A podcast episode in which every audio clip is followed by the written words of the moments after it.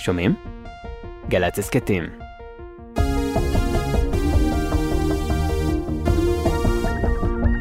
ברוכים הבאים ליומן החוץ של גלי צה"ל. מקווים שהטלפונים שלכם על מצב טיסה, כי אנחנו ממריאים.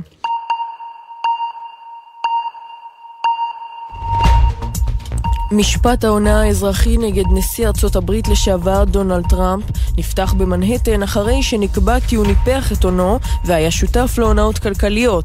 בניגוד למשפטיו הקודמים, טראמפ לא חויב להגיע לדיון, אך עד כה הגיע לכל ימי הדיונים.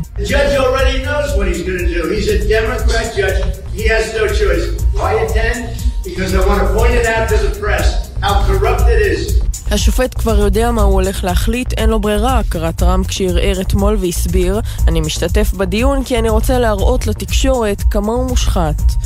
כתב אישום ברצח והחזקת נשק הוגש אמש נגד הנער בן ה-14 שפתח בירי בקניון בבנקוק, הרג שני בני אדם ופצע חמישה. משפחות ההרוגים שהיו תיירים ממיינמר ומסין טרם הגיבו על האישומים, אך בממשלת תאילנד כבר הבטיחו שאירוע כזה לא יחזור על עצמו. בני נוער יכולים לקנות בקלות רובים באינטרנט בלי פיקוח מספק, אמר ראש ממשלת תאילנד בביקור בזירה אתמול. אתמול, עלינו להגביל ולהקשות על הגישה של צעירים לדברים המסוכנים הללו. סופת הטייפון, קוינו, החלה לחצות הבוקר את החוף הדרומי של טיוואן. עד כה גרמה הסופה לפציעתם של יותר מ-190 בני אדם, וכן גרמה לנזק למבנים רבים ולתשתיות. בערים וברשויות ברחבי האי הכריזו על שביתה בעקבות הגשמים והרוחות העזות. 我是随意的，然后就 מעולם לא ראיתי גלים כל כך גבוהים לפני כן, מספר אזרח מדרום טיוואן, באתי לים להסתכל, אבל אני מתכונן לנסוע מהעיר כי אני חושש שהסופה תתגבר ותציף חלקים ממנה.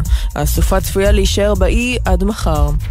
וגם משמעות ההדחה התקדימית בארצות הברית, ההיסטוריה מלאת התהפוכות של פרס הנובל והמומיה האלמונית שזכתה לשם יותר ממאה שנים אחרי מותה.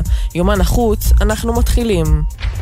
מסביב לעולם ב-15 דקות, יומן החוץ של גלי צה"ל מביא לכם את כל מה שקורה בתבל.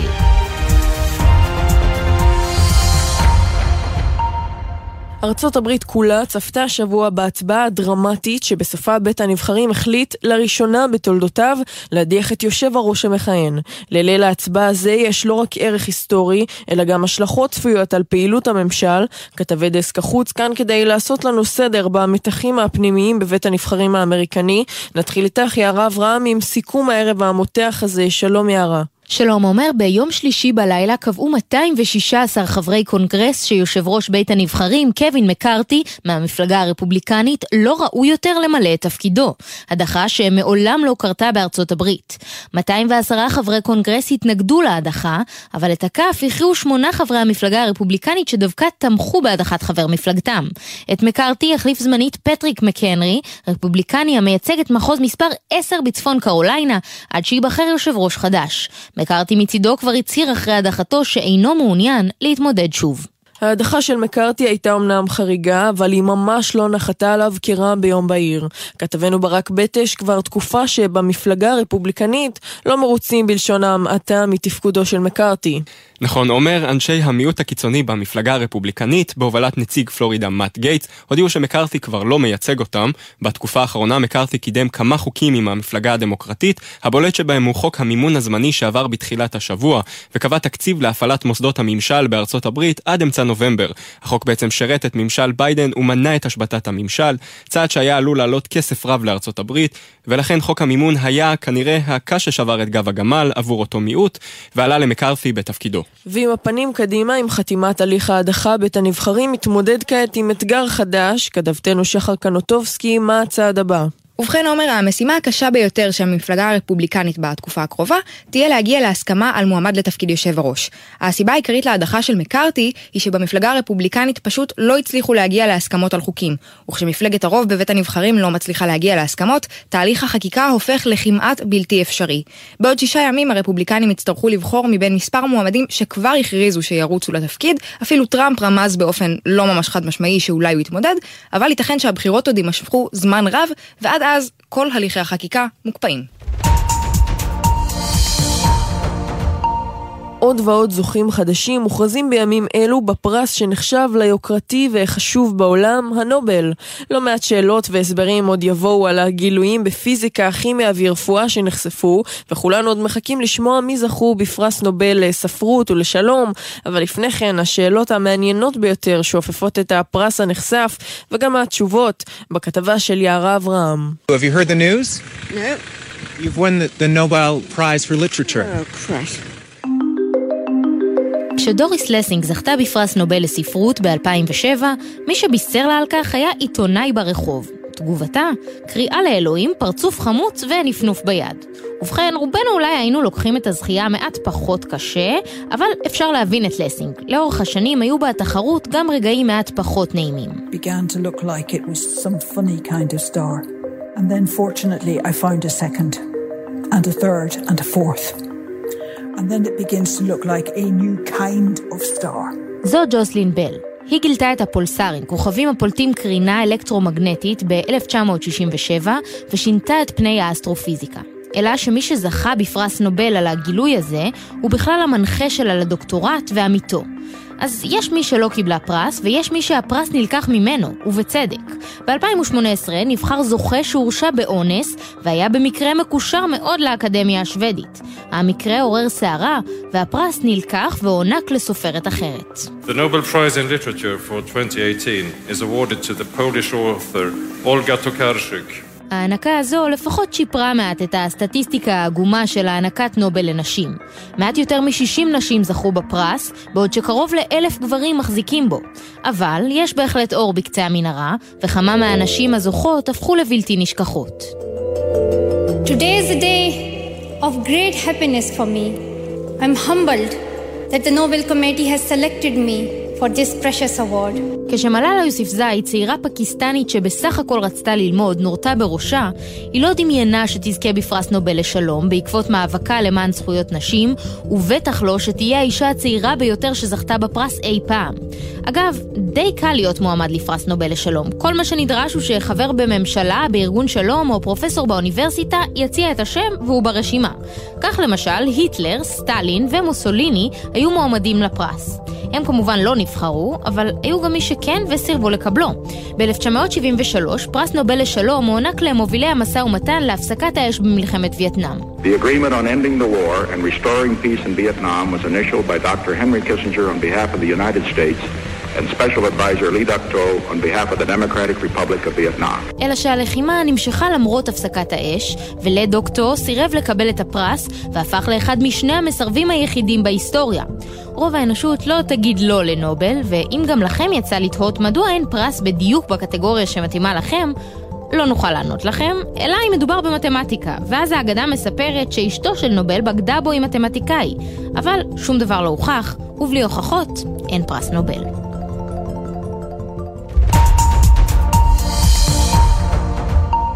אין תושב ברידינג שבפנסילבניה שלא מכיר את סטונמן ווילי, איש האבן.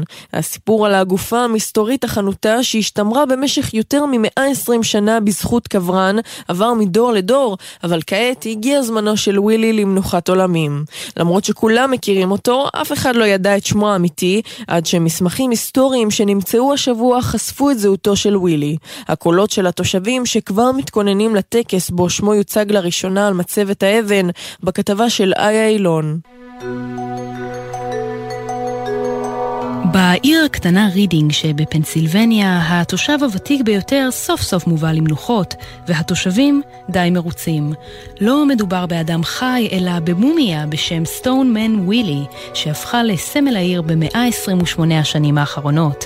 ווילי הובא כגופה אלמונית לבית ההלוויות בעיר לפני שנים, שם שימרו אותו עד שתתגלה זהותו, אך זה מעולם לא קרה. עד עכשיו. I always knew about Stone Man Willie, and I saw that they were going to have like a proper funeral for him. And I think it's just so cool that they're finally putting him to rest. תמיד הכרתי את סטונמן ווילי, שיתפה דברה סטנלי, תושבת העיר, והוסיפה, ראיתי שעומדים לערוך לו הלוויה כמו שצריך. אני חושבת שזה מאוד מגניב שסוף סוף נותנים לו מנוחה. בעזרת טכנולוגיה וחיפוש יסודי של מסמכים היסטוריים, בית ההלוויות טוען שהוא הצליח לזהות את ווילי, ולכן הוחלט שהגיע הזמן שייקבר כראוי. ואם טעיתם לעצמכם, מתברר ששימור אדם במשך יותר ממאה שנים זה חוקי לחלוטין. Pressure was put on Mr. Almond to bury it, and the state kind of demanded he do so. Mr. Almond petitioned the state because he wanted to monitor his experiment to see how long indeed this person would remain in a preserved state. Oddly enough, Willie began to mummify within weeks. המדינה הפעילה על מנהל בית ההלוויות אז לחץ לקבור את ווילי, סיפר קייל בלנקן בילר, מנהל בית ההלוויות הנוכחי, והמשיך, הוא עתר למדינה בשביל להשאיר אותו כי הוא רצה לעקוב אחר הניסוי שלו ולראות כמה זמן האדם הזה יישאר במצב שמור. באופן מוזר הוא הצליח להפוך אותו למומיה בתוך שבועות. אין ספק, לתושבי העיר יש קשר עמוק עם סטון מן ווילי. I used the word man. I'm very, very particular about that in my eulogy. He was a man, and he was not stoned. He had a mother and a father, friends and relatives we know nothing about. בהספד שלי אשתמש במילה אדם, שיתף צ'ארלס אדמס, מי שיספיד את ווילי והוסיף, הוא היה גבר, הוא לא היה stone, אבן. היו לו אימא ואבא, חברים וקרובי משפחה שאנחנו לא יודעים עליהם כלום. במהלך השבוע הקרוב, תושבי העיר יגיעו להיפרד בפעם האחרונה מווילי בבית ההלוויות שהיה ביתו. בשבת הוא יעשה דרכו האחרונה ברחובות רידינג ויקבר בבית הקברות המקומי, שם ייחשף ויירשם סוף סוף שמו האמיתי על מצבתו.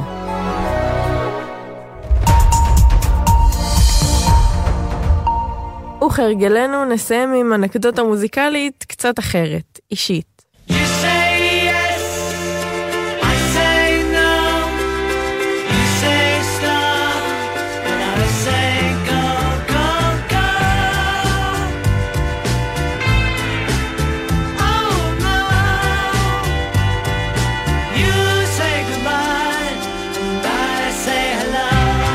היי יארה.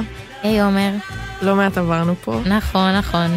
ממגפת הקורונה, דרך המלחמה באוקראינה, בין ראשי ממשלה ונשיאים שמתחלפים בקצב מסחר, וגם אסונות טבע ושיגורים לחלל. אפשר להגיד שהיינו כאן איתכם להעביר את המידע הכי חשוב והכי מעניין, שיסיח קצת את הדעת מהעניינים שעל סדר היום. אבל עכשיו כמעט שלוש שנים עברו, והגיע הזמן להעביר את השרביט הלאה.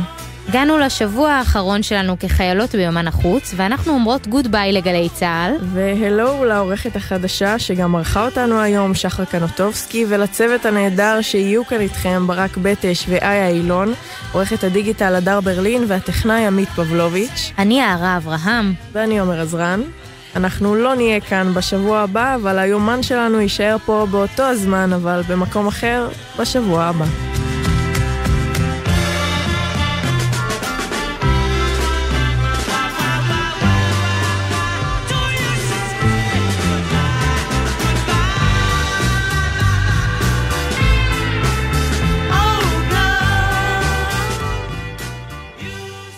בחסות קולמוביל, המציגה את סוכולמוביל. ימי מכירות על יונדאי, מיצובישי ואורה. 1 עד 6 באוקטובר. לפרטים כוכבית 6858 או באתר החברה. בחסות אוטודיפו, המציעה מצברים לרכב עד השעה 9 בערב בסניפי הרשת, כולל התקנה חינם. כי אין סיבה לשרוף את שישי במוסך. אוטודיפו.